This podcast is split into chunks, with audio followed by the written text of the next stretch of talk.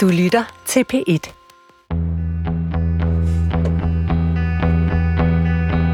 Store ord med lille effekt.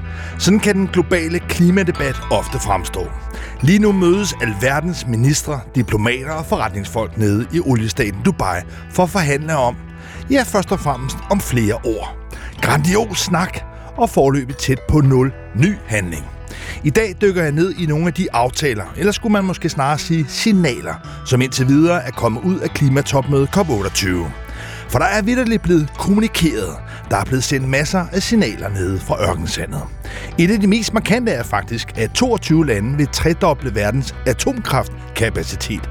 Altså meget mere radioaktivitet, dog uden Danmark. Men er de strålende ord nok til os at rykke økonomien? Er flere flotte ord nok til at accelerere den grønne omstilling? I dag spørger jeg simpelt, rykker signalerne fra COP28 overhovedet noget på de globale markeder? Du lytter til Guld og Grønne Skove her på P1, programmet, hvor jeg går på grådig jagt efter klimaets kolde kontanter og udforsker, om det virkelig er muligt at tjene både moder jord og uselmarmeren. Mit navn er Lars Trier Mogensen. Heldigvis findes der også en anden kobling mellem ord og handling. Der findes også en verden, hvor alt det, der står med småt, sætter kæmpe bølger af forandring i gang. Chokbølger af grøn omstilling. Om præcis fire uger løbes et helt nyt system for bæredygtighedsrapportering i gang. For årsskiftet skal de allerstørste virksomheder i Danmark begynde at kortlægge og registrere deres belastning af blandt andet klimaet. Under forkortelsen CSRD, som står for Corporate Sustainability Reporting Directive. Fremover skal firmaen ikke kun aflægge regnskab for de finansielle tal, men også for bæredygtighed. Som en slags nytårsnedtælling begynder jeg i dag en miniserie om CSRD. De vildeste forandringer kan nemlig meget vel gemme sig nede i revisionsrapporterne, de nye grønne bæredygtighedsrevisionsrapporter, skrevet med små bogstaver, men med potentielt voldsom indvirkning på, hvad virksomhedsledelser fremover vil gøre på den grønne front. Måske findes der også en tredje variant, altså mellem ord og klimahandling. Regeringen har for nylig fremlagt et forslag til en ny og påfaldende lav flyafgift, som hverken præsenterer særlig markant eller tegner til, at vi kunne få særlig stor indvirkning på flytrafikken, altså små ord og lille handling. Pengene fra den nye flyafgift skal ikke engang bruges på grøn omstilling, altså ikke til nye typer af brændstof, når indtægterne skal øremærkes til ældresjekken. Mere om den lavt flyvende afgift til sidste dagens program. Velkommen til. Er du klar til at høre om en dobbelt væsenhedsanalyse? Ikke bare en væsentlig analyse, men en dobbelt væsenhedsanalyse. For ved årsskiftet skydes det måske vigtigste klimatiltag i gang. Potentielt det vigtigste i mange år. I hvert fald, hvis man, som jeg vil diskutere her, dykker ned i det her nye bæredygtighedsrapporteringssystem kaldet CSRD. Det kan meget vel komme til at drive den grønne omstilling fremad, måske næsten af sig selv, og vel at mærke inde fra virksomhedernes direktionslokaler. Det er de små grønne tandhjul, som snart kan gribe fat i de større. På dansk hedder tiltaget Direktiv for virksomheders bæredygtighedsrapportering. Og det er et tiltag, der lige nu får danske virksomheder til at forberede sig på det nye år med en blanding af frygt og bæven, nørderi og målrettighed. Nu vil jeg gerne byde velkommen til to, der til daglig beskæftiger sig med det her. Daniela Kro Lundtang, du er leder af KPMG's ESG afdeling. Velkommen her til Guld og Grøn mm. Skov. Tak skal du have. Og til dig, Lotte Hansen, direktør for Hansen og Ersbøl Agenda. Også velkommen hertil. Tak. Lad mig begynde med dig, Daniela Krol Lundtang, som altså til daglig nørder rundt og hjælper virksomheder med at forstå det her nye system. Men lad os lige prøve at spørge helt overordnet. Det her CSRD, Corporate Sustainability Reporting Directive. Hvad er det for en størrelse? Jamen, øh, det er jo øh, Øh, et direktiv fra EU, der, øh, der sætter rammerne for en helt ny type bæredygtighedsrapportering, som, øh, som virksomheder skal efterleve. Øhm, så CSRD sætter rammerne omkring det, og for at efterleve de rammer, så skal man så rapportere efter de standarder, der forkortes ESRS, som står for European Sustainability Reporting Standards. Der er mange forkortelser, og vi kan nok prøve at, at brække dem op, øh, fordi det er i hvert fald noget af det, jeg selv opfatter lidt som en svøbe på det her område, at det ligesom, kan man sige, pakkes ind i noget, der virker sådan fremmedgørende, noget, der virker utilgængeligt.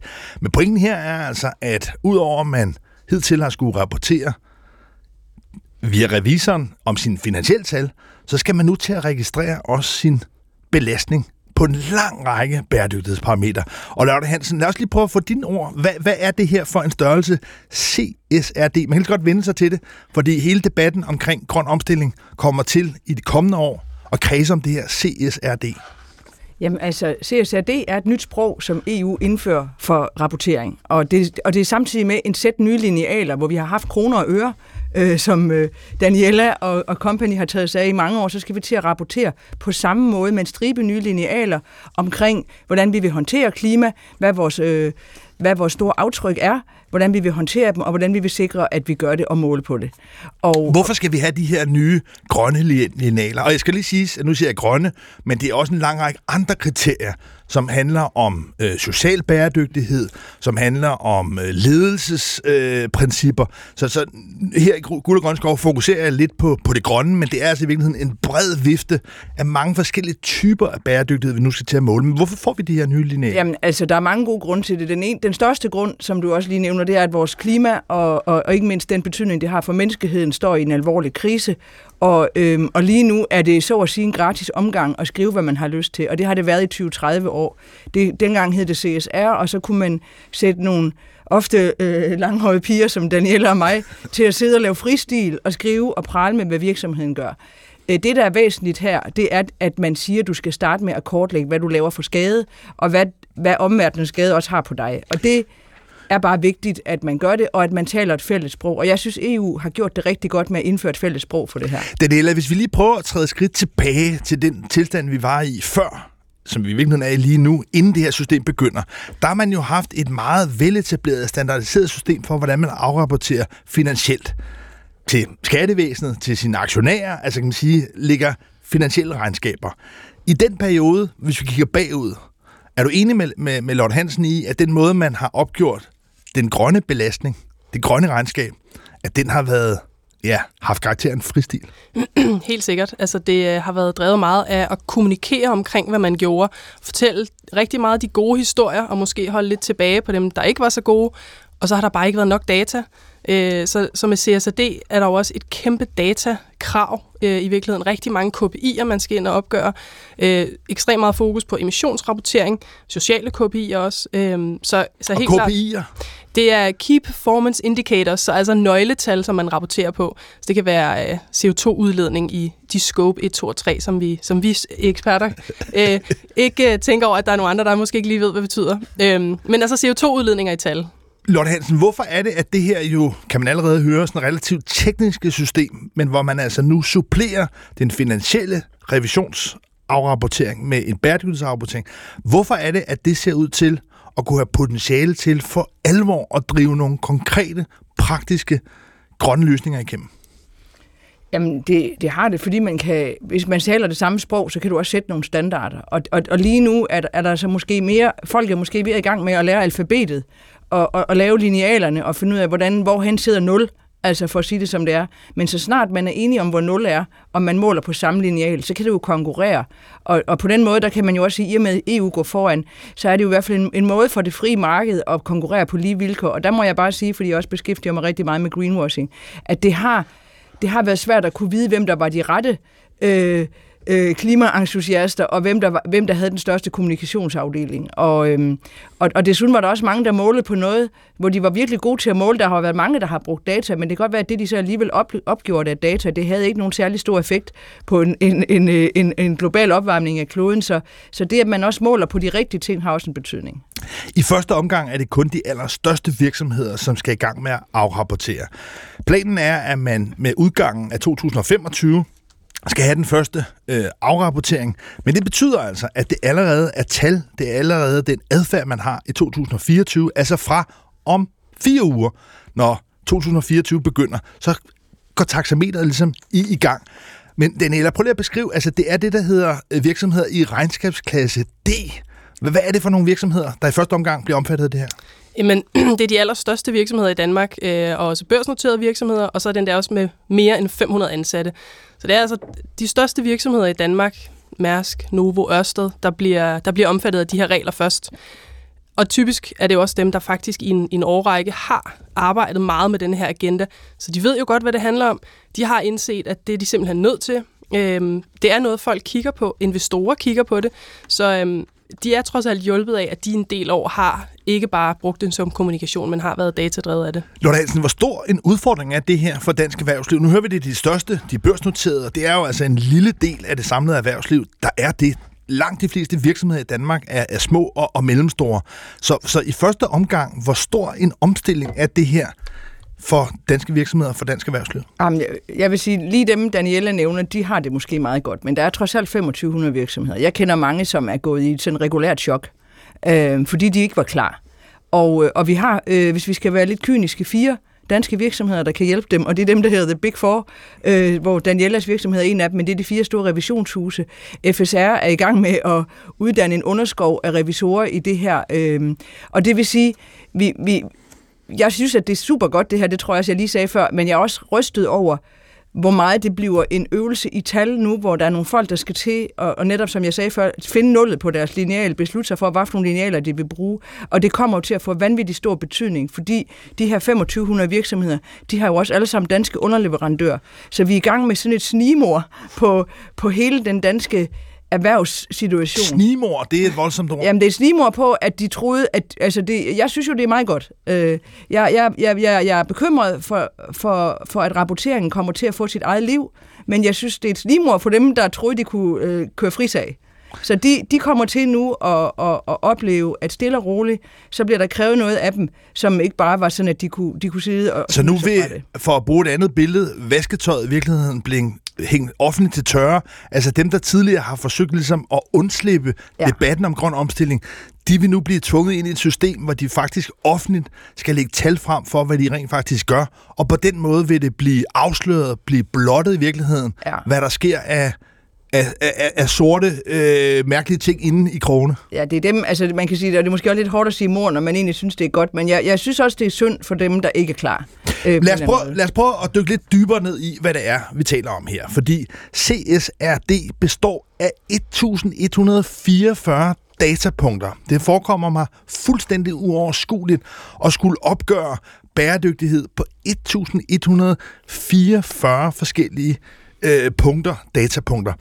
Daniela Kron Lundtang, leder af ESG-rapportering hos KBMG. 1144, altså det virker helt uoverskueligt. Er det også det for dig? altså ja, det lyder meget uoverskueligt. Det er altså det er et højt tal, men det er også... Øh, jeg tror, vi har hængt os meget i det her tal, når man taler om CSRD, så er det sådan et skræmmebillede. Det er de her over 1100 datapunkter. Øh, og man skal bare være klar over, at det er jo på tværs af mange standarder. Det er på tværs af både miljø, sociale forhold og selskabsledelse, altså governance. Og så er det meget granuleret, de her 1100 punkter. Så det, det er meget uddelt. Granuleret, det synes jeg er et dejligt ord, men, men hvad betyder det i den her sammenhæng? Nå, men det betyder egentlig bare, at øh, et, et datapunkt kan godt være en meget, meget lille delmængde af noget. Så, så når vi taler om de her 1100 punkter, det lyder ekstremt meget, men når man begynder at arbejde med det, så fornemmer jeg på, på vores kunder, at altså, så får de faktisk lidt ro i maven. Øhm. Men noget, der i første omgang også undrer mig lidt ved det her nye system, det er, at man langt hen ad vejen selv skal definere, hvad det er, man vil måle sig på. Sådan er det jo altså ikke med finansiel afrapportering. Der skal man ligesom udfylde alle felter.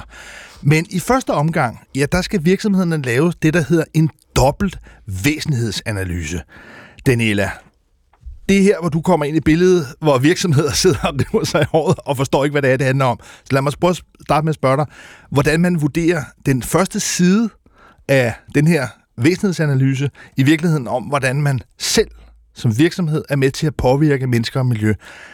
Men en dobbelt væsentlighedsanalyse, lad os prøve at kaste os ud i det. ja, det, det, er, det er ikke nemt, men øh, sådan helt kort fortalt, så er det jo en, en væsensanalyse, der er todimensionel, ikke? så den dobbelte væsensanalyse. Så på den ene side er det ens øh, impact, så hvordan virksomheden påvirker omverdenen, og på den anden side så er det, hvordan omverdenen påvirker virksomheden. Så det er et, vi arbejder med et indefra-ud-perspektiv, og så et udefra-ind-perspektiv. Og det er begge dele, man i virkeligheden skal afrapportere på. Ja. Og begge dele kan vel sådan set, i forhold til klima, i forhold til det grønne, kan vel være positivt og negativt. Altså man kan både selv have en positiv og negativ indvirkning på omverdenen, og vice versa. Ja, vi taler jo både om øh, risici, muligheder, øh, men også ja, positive påvirkninger. Men hvis vi nu tager en øh, stor dansk virksomhed, måske ikke nogen af de allerstørste, som har arbejdet med det her, som har en stor øh, intern afdeling af revision og jura, men nogle af de mindre virksomheder, som måske i første omgang ikke bliver ramt direkte af det her, men som er underleverandør til store virksomheder, og derfor faktisk også indirekte bliver afkrævet at kunne forklare, hvordan tingene bliver produceret. Hvordan, hvordan laver man så en hvis vi laver den her dobbelte væsentlighedsanalyse, vi starter med at vurdere, hvad er det, der er væsentligt for en enkelt virksomhed? Hvad er det, du hjælper dem med at fokusere på? Jamen, i virkeligheden handler det om at få i tale sig det her med vigtigheden af at kende sin forretning, kende sine processer i virksomheden, og vide, hvordan man øh, bruger sine leverandører, men også sine kunder. Så hvad er det i ens omverden af virksomheden, der egentlig er væsentligt? Så kende processer, kende de leverandører, man bruger.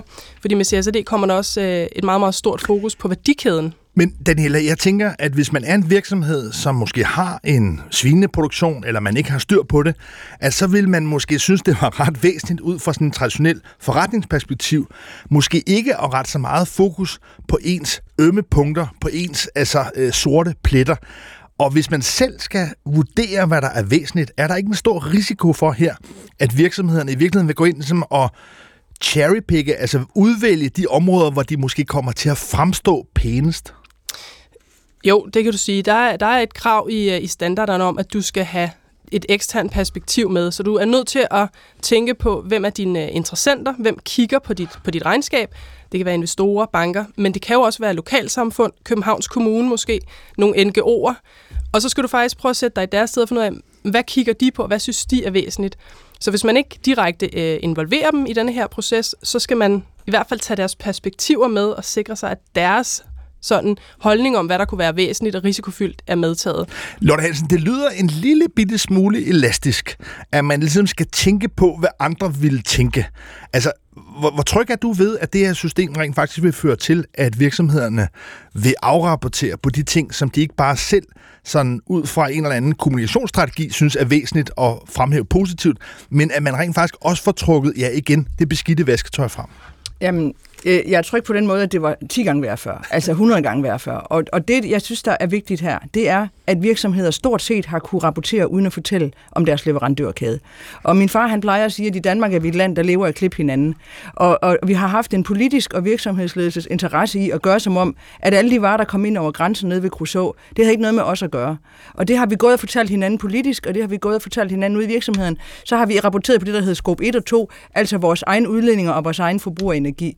Nu skal vi rapportere på scope 3, og, og så kan det godt være, at du selv kan måle, men folk kan jo hurtigt se, hvis du leverer en radiator, eller hvis du leverer en computer, og du kun fortæller, hvor mange LED-pærer du har inde i hovedkontoret, jamen så kan man jo godt regne ud, at den computer er jo nok lavet af noget stål, som er blevet til ud af en klippe på et eller andet tidspunkt. Det havde jo nok et større aftryk, og hvis du ikke viser det, så laver du ikke en retvisende væsentlighedsanalyse. Daniela Krohl Lundtang, jeg har enormt svært ved at forstå egentlig, hvordan man som en dansk virksomhed skal være helt sikker på, at de produkter, man køber fra nogle underleverandører, som måske har fået det fra nogle underleverandører, nogle underleverandører, nogle underleverandører, at man som dansk virksomhed skal kunne være sikker, kan afrapportere altså præcist herhjemme med nogle produkter, man i virkeligheden måske ikke helt kender sådan kæden, der ligger bag. Hvordan kan man det? Jamen det, det er et rigtig godt spørgsmål, og er jo også en, øh, ja, en bekymring for mange virksomheder i virkeligheden, hele det her værdikædeperspektiv. Men, men jeg er jo meget enig i, øh, altså at det har været for nemt. Og nu er man simpelthen nødt til at inddrage hele ens værdikæde for at få den her transparens, fordi det er nok nøgleordet øh, med CSRD og, og ISS, at vi skal være transparente om, hvad vi gør. Så det er jo ikke fordi CSRD og, og EU i øvrigt går ind og siger, at virksomhederne skal gøre noget på en anden måde, men vi skal være transparente om, hvad vi gør, og hvor, hvor stort et aftryk vi har. Øhm, men det er da ekstremt svært. Øh, det, det er jeg helt enig i, og, og en stor bekymring. Man kan sige, vi alle sammen, eller alle virksomheder i Danmark, sådan i større eller mindre grad, er jo i samme båd. Så hele vejen ned igennem værdikæden vil man opleve, at virksomhederne bliver omfattet af de her regler, så det, det drysser lidt ned, sådan så alle er jo nødt til at, altså, at samarbejde lidt, hvis man kan sige det sådan. Men Lotte, kan man sige, måske lidt svulstigt, men at den boble, vi har været i, den boble, hvor vi på en eller anden måde har fortrængt, at der ude på den anden side bliver produceret ret svinsk, at meget af den produktion, tungindustri, der er flyttet væk fra Danmark, sådan set stadigvæk foregår, og under nogle forhold, som er meget, meget belastende. Det har vi ligesom fortrængt, men nu ved at gøre den her boble, den her hende mere gennemsigtig, mere transparent, så vil det i virkeligheden åbenbare sig, at vi i virkeligheden, og mange danske virksomheder, selvom de har hævdet at være grønne, at fordi de er afhængige af underleverandører fra udlandet, der producerer belastende, klimabelastende, så vil det ligesom nu komme for en dag. Det er Altså, det, der er ideen med det her. Jeg synes faktisk, at ordet fortrængning er godt, fordi jeg, jeg underviser jo virksomheder og, og hjælper dem med at lave strategiudvikling. Og jeg oplever simpelthen fysisk, at folk de simpelthen negligerer, at de har nogle underleverandører. Altså, de, de gør som om, at det kun handler om, hvad de laver på deres egen matrikel. Og det har de jo fået lov til af, af hvad kan man sige, revisorer og politikere og alle andre, at det var bare sådan, man gjorde. Det er sådan en stor, blind øh, plet, en, sådan en, en fælles psykose, vi har rendt rundt i, om at det var ikke vigtigt. Og, og jeg synes jo, når du, når du spurgte før med det der elasticitet, og når jeg nu står sammen med en af de store fire, jeg synes jo også, det er vigtigt, at vores revisionshuse her, lad være med at, at, at, at, at bare sige, at alt, hvad der har en bæredygtig puls, det skal ind i CSRD. Altså jeg håber jo, I også tager det ansvar på jer, og sige, lad os nu få de vigtigste tal frem, fordi ellers så bliver det jo en gymnastikøvelse, fordi hvis man først har puttet nogle tal i et schema, så er det sådan, at bestyrelseslokaler og ledelser, de sidder og kigger på det tal, og så tænker de, nu skal vi have gjort det lidt bedre næste år. Så, så mit råd er jo også til, for at det ikke skal blive en stor øh, øvelse i, i Excel-ark, at man også måske tager en lidt færre tal, og så tager dem, der batter, og så er lidt ydmyg i de første år, i stedet for at, at putte et stort apparat ned over, over virksomhederne, fordi så får vi ikke strategidelen med, og så ender det med, at det ikke får den effekt, som jeg håber. Men Daniela, lad os lige prøve at bore lidt ned i det, hvor øh, kritisk og hårdt I vil gå til det. Fordi når vi tager den sådan klassiske finansielle afrapportering, så har jeg i hvert fald tillid til, at hvis der er en revisionspåtegning i et regnskab, så er det fordi, der vidderligt er noget at komme efter. Og hvis der ikke er det, ja, så, så kører det efter bogen. Så der er altid, kan man sige, et system, som har en høj grad af troværdighed. Vi er i den udfordring nu med det grønne regnskab, med bæredygtighedsafrapportering, at der har været virkelig meget øh, luftig snak, der har været meget øh, glasur og greenwashing, som jo også er kommet ind i rapporter, som ja, også fire store, også KPMG tidligere har skrevet om sig selv. Hvordan sikrer vi os, at I går lige så hårdt til bæredygtighed, som I traditionelt set gør til den finansielle afrapportering? Jamen, med CSRD kommer der jo med det samme et krav om begrænset grad af sikkerhed, så revisor skal ind og kigge på CSRD-rapporten og, og kigge på processer, hvordan det er opgjort. Så mere revision, end man har gjort på en CSR-rapport tidligere faktisk.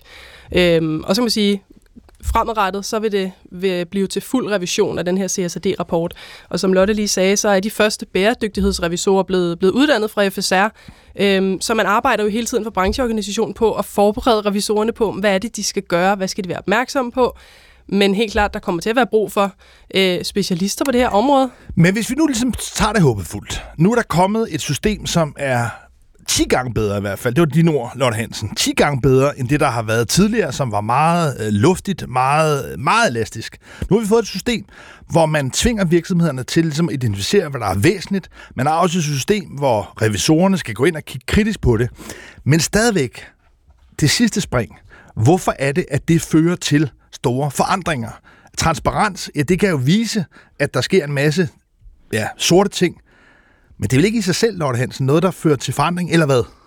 Altså, jeg synes, der ligger nogle motorer derinde, fordi det, CSRD kræver, at du laver en strategi for, hvordan du markant forbedrer dig. Øh, og det vil sige, du kan ikke bare Altså, du kan egentlig ikke, altså, du skal også sige, hvad du vil. Øh, men nu får man lavet sine linealer.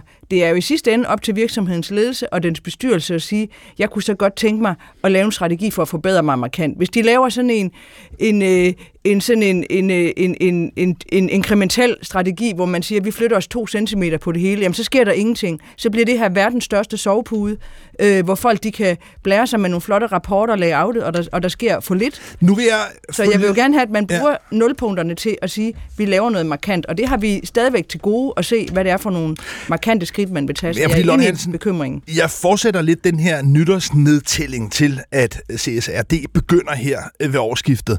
Men jeg har også en frygt for, at det kan ende med at blive en meget stor regneaksøvelse. Forstået på den måde, at danske virksomheder skal nu i de kommende år bruge enormt mange ressourcer, også på at hyre nogle af revisionsfirmaerne ind, øh, konsulentfirmaer, og i virkeligheden skifte opmærksomheden over meget på afrapportering, i stedet for at gøre nogle helt konkrete ting. Altså masser af virksomheder vil jo godt vide, hvad de kunne gøre for at nedbringe deres klimabelastning.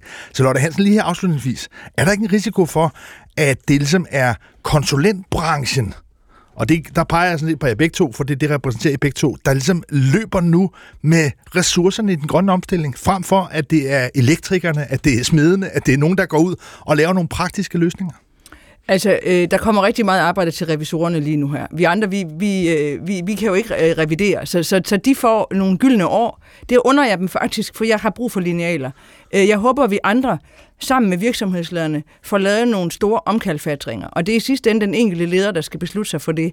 Og der er det meget godt at have nogle linealer, men, men øh, hvis, man, hvis man bruger det her som sådan noget GDPR, eller, eller hvad der har været hvidvask, og sådan bare flytter det ned i afdelingen for, for, for regneark, så er man jo ikke ambitiøs. Man skal jo bruge det her til at sige, nu skal jeg have hele virksomheden med, og jeg skal lave en ambitiøs forandring. Og det er ikke nogen garanti lige nu. Det vil jeg gerne indrømme, at det, der er jeg enig med dig, øh, Lars, men, men det er en mulighed for, at vi gør det på, på, med de samme linealer, og det har været øh, krævet. Her i Guld og Grønne Skove er jeg jo altid på grådig jagt efter de kolde kontanter i, i klimaet, og Daniel Krog Krol øh, Lundtang, leder af ESG-rapportering hos KPMG. Det lyder lidt som om, at den branche, der måske er mest i boom inden for det grønne felt her de kommende år, det er revisionsbranchen. Øh, er, det, er det øh, virkelig gyldne tider, I kigger ind i, at øh, den ene stød af den andens øh, brød, og nu er det så revisionsbranchen, der kommer til at boome? altså det vil jeg jo ikke sige. Øhm, der, der er mange tit, der kigger på øh, konsulenter og revisorer og tænker, hvorfor har I også øh, lavet de her regler nu? Men det er jo ikke os, der laver reglerne, men vi vil jo selvfølgelig gerne hjælpe virksomhederne med at, at efterleve de her regler. Øh, og så er jeg jo fuldstændig enig med, med Lotte i, at, at vi i tale sætter jo også, at det her det er ikke en øvelse, der skal ligge i finans, eller der, hvor der bliver lavet store Excel-ark. Det skal jo være igennem hele virksomheden, og også op til ledelsen. Men Daniela, jeg vil også love dig, at der er også folk udenfor, der kigger på de fire store revisionsfirmaer. Vi vil være nogen, der vil holde øje med, om I går lige så kritisk til de her nye bæredygtighedstal, som I traditionelt er gået til de finansielle tal. Daniela og Lotte, Hansen fra, øh, direktør for Hansen og Ersbøl Agenda og Lotte Gro Lundtang, leder af ESG-rapportering hos KPMG. Tak fordi I kom her i Guld og Grønskov. Selv tak. Selv tak.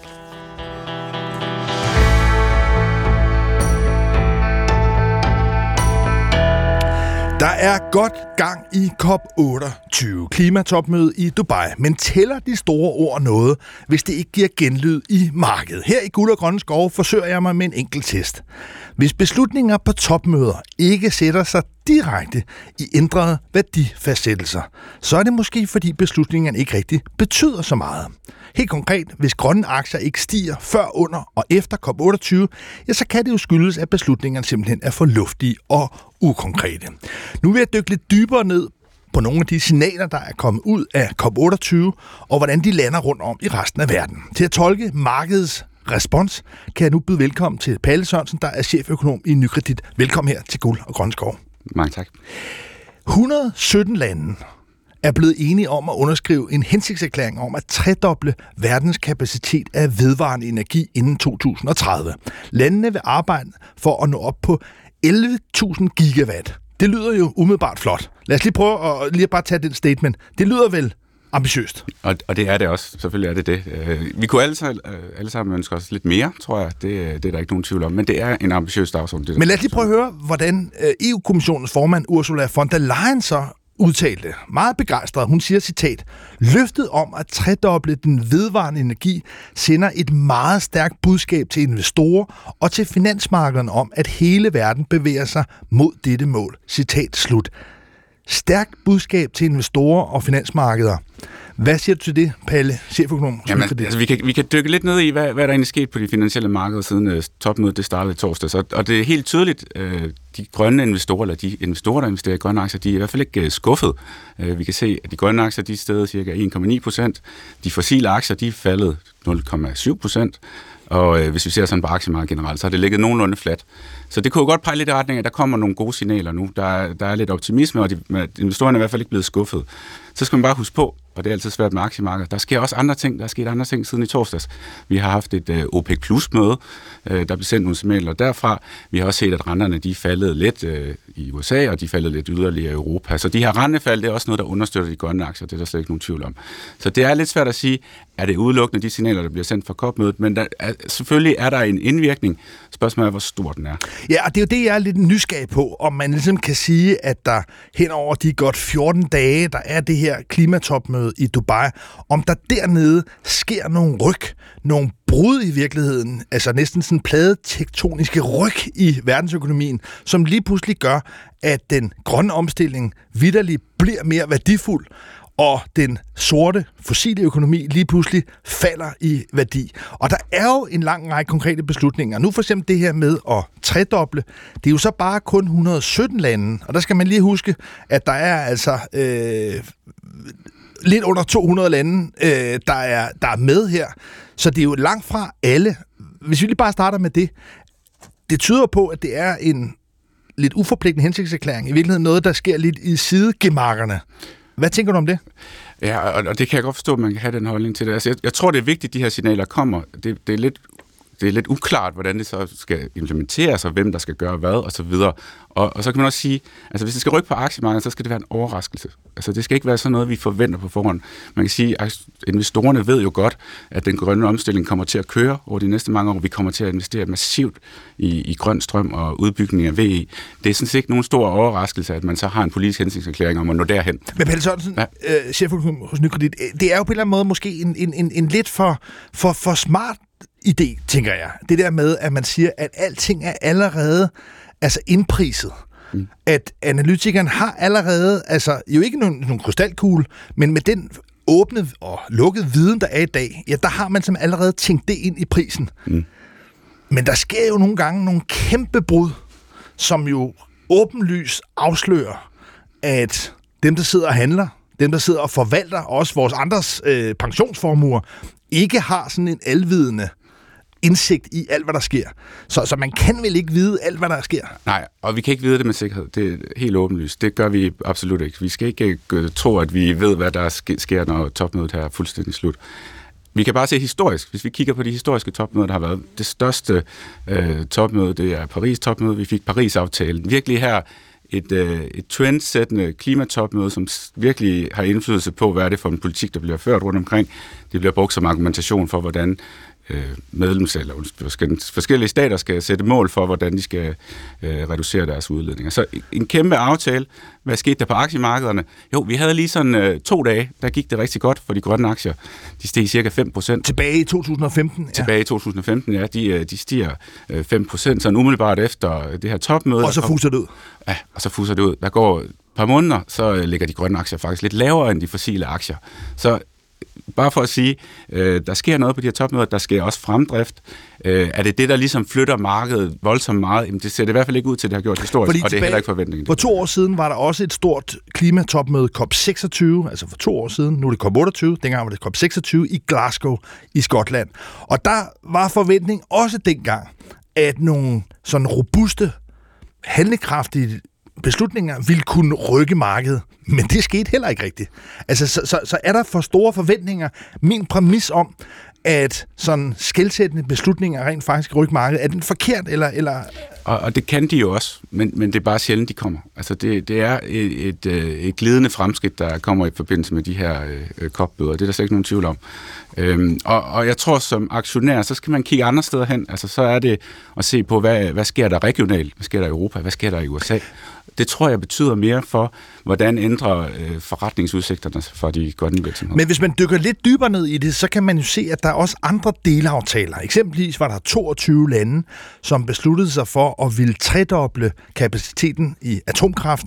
Det var høj grad Frankrigs præsident Emmanuel Macron, der gik forrest der. Danmark var ikke med. Mm. Men, men, men det er vel i hvert fald et signal, kan man sige, sådan et delsignal om, at lige præcis inden for atomkraft, der er der lige pludselig kommet en ny fremtid. Efter det i mange år var, var bandlyst, at det ligesom var tabuiseret, så må man vel konkludere, at når 22 lande går sammen om at ville tredoble kapaciteten, så er det vel en branche, der kommer til at boome. Ja, formentlig. Og, og, og jeg har ikke været ned og dykket ned i, i de øh, aktier, der, der, øh, der arbejder med atomkraft. Men, men bare for at sige, at det, det kan godt være, at det har flyttet noget. Det her det er så trods alt en, lidt en investerbar viden i den forstand. Jamen, der er måske en intention om, at øh, der kommer til at være noget mere omsætning her. Øh, men, men, øh, men igen, hvis det er sådan, at det var egentlig forventet, det var klart, der var sendt signalerne på forhånd omkring, det her det kommer til at komme de kommende år, vi kommer til at investere massivt i atomkraft, jamen, så flytter det ikke markedet. Ja, fordi det er vel det, man skal have med her, det er, at selvom det, når det bliver præsenteret, kan lyde ambitiøst, det kan lyde øh, grandiøst, så er det ofte noget, der bliver pullet sammen, altså allerede trufne beslutninger, at landene allerede har meldt ud på hjemmefronten, at de har tænkt sig at gøre nogle ting, som man så summer sammen, og når det bliver mange lande, der summer beslutninger sammen over mange år, ja, så kommer det til at lyde flot. Men hvor pointen altså er, at det er sådan noget, der allerede var meldt ud. Nu bliver det bare lagt sammen.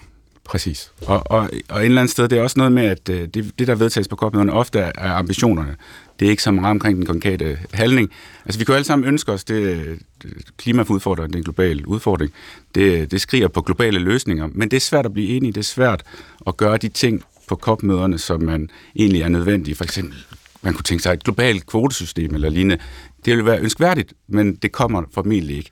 Det har der i hvert fald ikke været Nej. signaler om, men der har været signaler om netop øh, mere vedvarende energi, også mere atomkraft, også at USA ret opsigtsvækkende har besluttet sig for at vil udfase kul. Men samtidig er der også nogle sådan lidt modsatrettede budskaber. Verden for COP28, Sultan al-Jaber, han har været ude med en kontroversiel udtalelse forleden, hvor han sagde, citat, jeg accepterede at komme til dette møde for at have en ædruelig og moden samtale. Jeg vil ikke deltage i en samtale, der maler fanden på væggen, sagde han, og tilføjede så. Der er ingen videnskab derude, intet scenarie derude, der siger, at udfasning af fossile brændsler er det, der holder os under halvanden grader. De ord har skabt chok rundt omkring, ikke mindst blandt regeringer, men høj grad også NGO'er.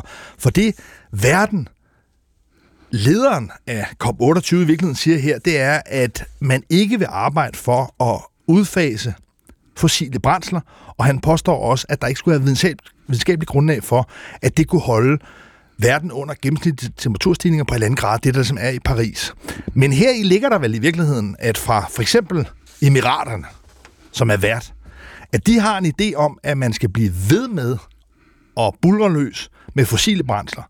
Så selvom vi får mere vedvarende, ja, så er der vel også meget, der tyder her på, at mængden, volumen af fossile brændsler, den er sådan set ikke på vej ned. Så den sorte branche, den er der vel også stadig stor fremtid efter det her, eller hvad? Ja, og jeg, jeg ved også, der har været klimaforskere ude og kritisere den her udtalelse. Altså, det er jo ikke, øh, det er formentlig ikke korrekt, det han, det han fremfører her som argument. Øhm, og, og jeg, Altså, jeg, jeg er ikke personligt voldsomt overrasket, at vi ser Emiraterne øh, komme med den her udtalelse. Det er jeg ikke. Øh, det, det ligger sådan fint i tråd med den opfattelse, jeg har haft af den del af verden, hvor man jo ligesom forsøger at sige, at man har noget olie og gas i undergrunden, man egentlig gerne vil have op og, og tjene penge på fremadrettet. Om de så vil tage det op og så prøve at lave noget carbon capture and storage på det, det kan godt være, det, det er en, en, en nogenlunde klimaløs, men der er selvfølgelig også nogle udslip forbundet med det. Så når man sidder og kigger på det kontant, kynisk, så er der en forventning i markedet om, at de lande, der har enormt store reserver af naturgas og olie, at de vil blive ved med at udvinde den og i virkeligheden sælge den ud på markedet. Ja, eller i hvert fald, det, det er naturligt, at de lidt presser på, for de taler jo lidt deres egne interesser. Sådan er det i, i alt internationalt samarbejde, som fungerer det nu også for eksempel på skattepolitiske område i, i EU. Der, det er der sådan set ikke, det er der ikke noget nyt i. Øh, så jeg tror egentlig ikke, at heller ikke den udtalelse, tror jeg heller ikke er sådan øh, noget, der for investorerne måske flytter så meget. De vidste godt, at det var et standpunkt, Det bekræfter i virkeligheden, at der er en gruppe af lande med en sort økonomi, om jeg så må sige, mm. som er baseret på fossil øh, udvinding, som stadigvæk mener det samme. Og man skal huske, at FN er jo sådan en mærkelig størrelse i den forstand, at det på COP, klimatopmøderne, er sådan en basisdemokrati. Alle lande skal være enige, og sjovt nok, ja, der er altså nogle lande, der udvinder olie og gas, som ikke ønsker at udfeste. Præcis. Eller i hvert fald ikke i det tempo, men, som der er nødvendigt men, for. Men ligesom, cheføkonom ja. hos Nykredit, her afslutningsvis, hvad er det, der skulle til her i den næste uge, den afgørende slutspurt, som vil kunne rykke rundt på øh, værdifastsættelserne, som vil kunne give et spring i kurserne på de grønne aktier? Oh, jamen, det er et virkelig, virkelig godt spørgsmål. Jeg har ikke, jeg har ikke noget godt svar på det, desværre. Altså, det, det, der skal komme noget uventet. Der skal være et eller andet, som ikke har ligget kortene på nogen måde, som øh, virkelig siger, nu, nu flytter vi på den her dagsorden. Vi, øh, vi tager den her udfordring så alvorligt, at nu øh, gør vi, smider vi alt, hvad vi har i hænderne, og fokuserer fuldstændig på at få løst det her. Hvis vi lige kigger frem i kalenderen, så er der amerikansk valg til næste år. Sådan en begivenhed. Har den i virkeligheden potentiale til at rykke mere på markederne end COP28? Det tror, det tror jeg absolut, den har. Jeg tror faktisk, det kommer til at være, være langt vigtigere for investorerne, hvordan udfaldet af det amerikanske valg bliver.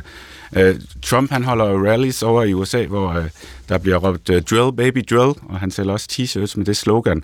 Uh, og det siger meget godt, at man har en republikansk præsidentkandidat, eller formentlig kommende præsidentkandidat, som uh, gerne vil have, der bores efter mere olie i USA. Han har også været ude med ud, at han vil tilbagerulle Bidens store klimaplan, den her Inflation Reduction Act. Det er jo virkelig noget, der kan flytte noget. Det er en masse indtjening potentielt for de grønne virksomheder, som kan gå tabt. Så det er vel virkelig også noget, ja. som både altså aktieanalytikere, markedsanalytikere, men også stater sidder og kigger på, det er, at man måske lurepasser lidt til at se, hvad kommer der til at ske i USA? Vender vi tilbage til Donald Trump, som meget kan tyde på, der jo trak USA ud af Paris-aftalen, eller kommer der demokratisk? Så det er i virkeligheden, det er det næste store vendepunkt. Ja, og jeg tror i hvert fald, at de fleste krydser fingre. Jeg tror, de arbejder ufortrødent videre. De kan ikke vide, hvordan det her valg lander. Øh, der er ingen af os, der ved det. Der er nogle meningsmålinger, der peger på, at Trump står ret stærkt lige nu. Der er også en, en analytikerkorps, der siger, at han bliver formentlig heller ikke genvalgt. Øh, men, men det er klart, øh, jeg tror, man arbejder videre ufortrødent med at prøve at få løst de her udfordringer. Øh, og så krydser man fingre for, at øh, det ikke bliver Trump, der bliver genvalgt. Palle Sørensen, cheføkonom hos Nykredit. Tusind tak, fordi du kom her i Guld og Grønskov.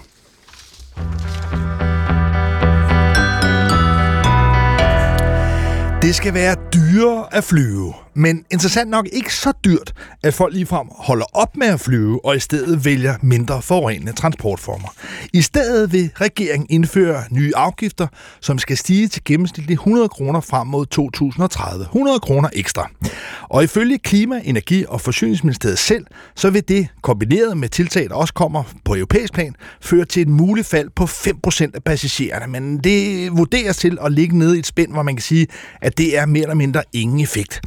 Altså i hvert fald kun en beskeden effekt. Og indtægterne fra den nye flyafgift skal til med bruges på noget helt andet end grønnere transport, nemlig ældresjekken. Nu vil jeg gerne byde velkommen til dig, Søren Have. Du er programchef hos Concito for fremtidens mobilitet. det. Hvor stort et skridt er der tale om? Den her, øh, nu er regeringen kommet med et udspil, det forhandles lige nu. Det ser ud til, at man under forhandlingerne omprioriterer lidt, så det bliver lidt mindre afgift indrigs og lidt større udenrigs. Men hvor stort et skridt er der tale om med den her flyafgift i Danmark? Altså i Concito tænker vi jo, at, at det er et øh, lille, men vigtigt skridt. Øh, det, der er vigtigt, det er, at vi snart får taget fat i også de store udledninger fra udenrigsluftfarten. Øh, og det adresserer udspillet øh, jo ikke. Men det er godt at komme i gang. Vi kommer på omgangshøjde med, med vores naboer, øh, og vi kan ligesom melde os ind i klubben, der gør, at, at vi kan gå ud og tale for endnu større indsats, øh, også i EU-regi. Så lad os lige prøve at forstå en helt ting, eller grundlæggende ting ved det her, fordi man kan jo nok godt forstå, at man lægger en ny afgift på flytrafik.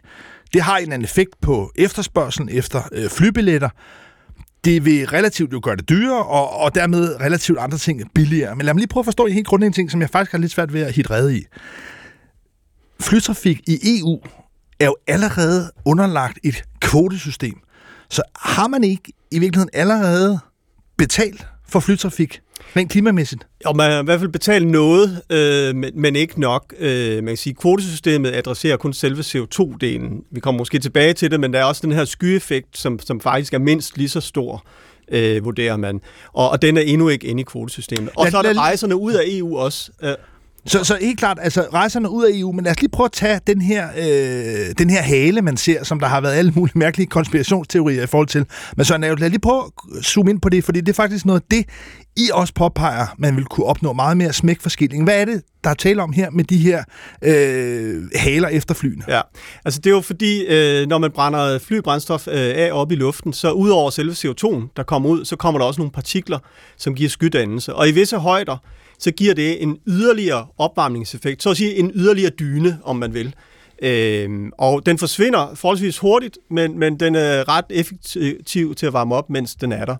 Øhm, og det vi har foreslået, også sammen med, med øh, Luftfartens Klimapartnerskab i øvrigt, det er at mindske den effekt ved at fjerne det, man kalder aromater øh, fra, fly, øh, fra brændstoffet. Det kan man gøre med eksisterende teknologi, og for forholdsvis små penge og grøn strøm, det er jo også vigtigt at tænke på. Vi, vi har jo ikke overskud af, af grøn strøm og grøn brint lige nu, så vi skal bruge den klogt. Og det er så der, hvor vi peger på, at der får man virkelig noget for pengene. Altså, der vil man kunne opnå den største klimaeffekt, mest smækforskillingen, hvis man i virkeligheden fokuserede indsatsen ind på at fjerne de her aromater fra øh, altså de partikler, der kommer ud fra, fra flyene.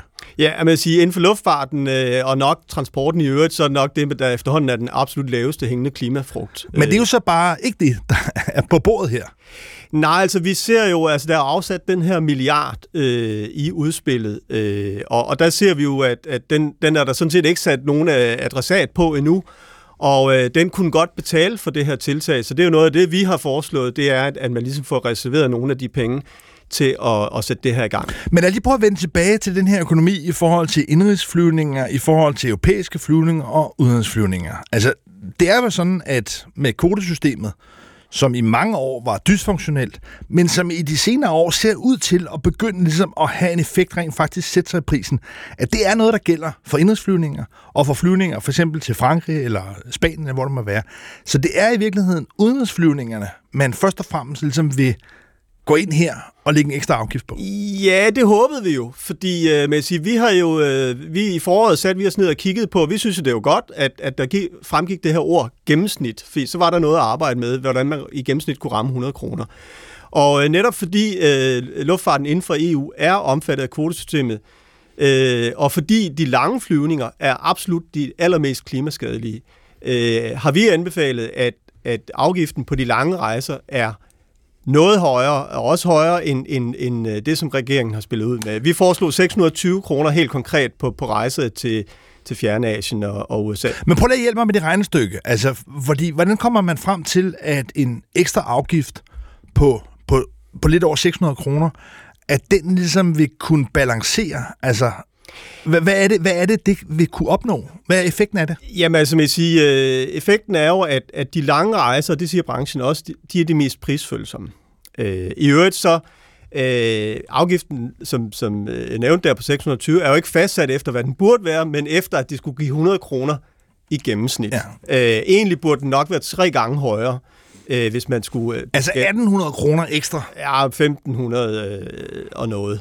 Øh, men man kan sige, men vi tog ligesom udgangspunkt i de 100 feet, det var det, vi antog, der man kunne ikke øh, Så det er indenfor, videre. kan man sige, det er sådan den, den politiske realisme. Ja. Men hvis vi nu lige kigger på det udspil, der er lavet her, med gennemsnitligt 100 kroner, hvordan ligger det i forhold til vores naboland? Ja, man kan sige, øh, vi, vi ligger lidt øh, over øh, Sverige. De ligger på, øh, i øjeblikket, der har været noget valutakursforskydninger, de ligger i øjeblikket på 84 øh, kroner, og, øh, og så vil vi øh, ligge, ligge under Tyskland, øh, som ligger på, på 140 godt og vel. Øh, I øvrigt så øh, Holland og UK, de ligger op omkring 200 kroner.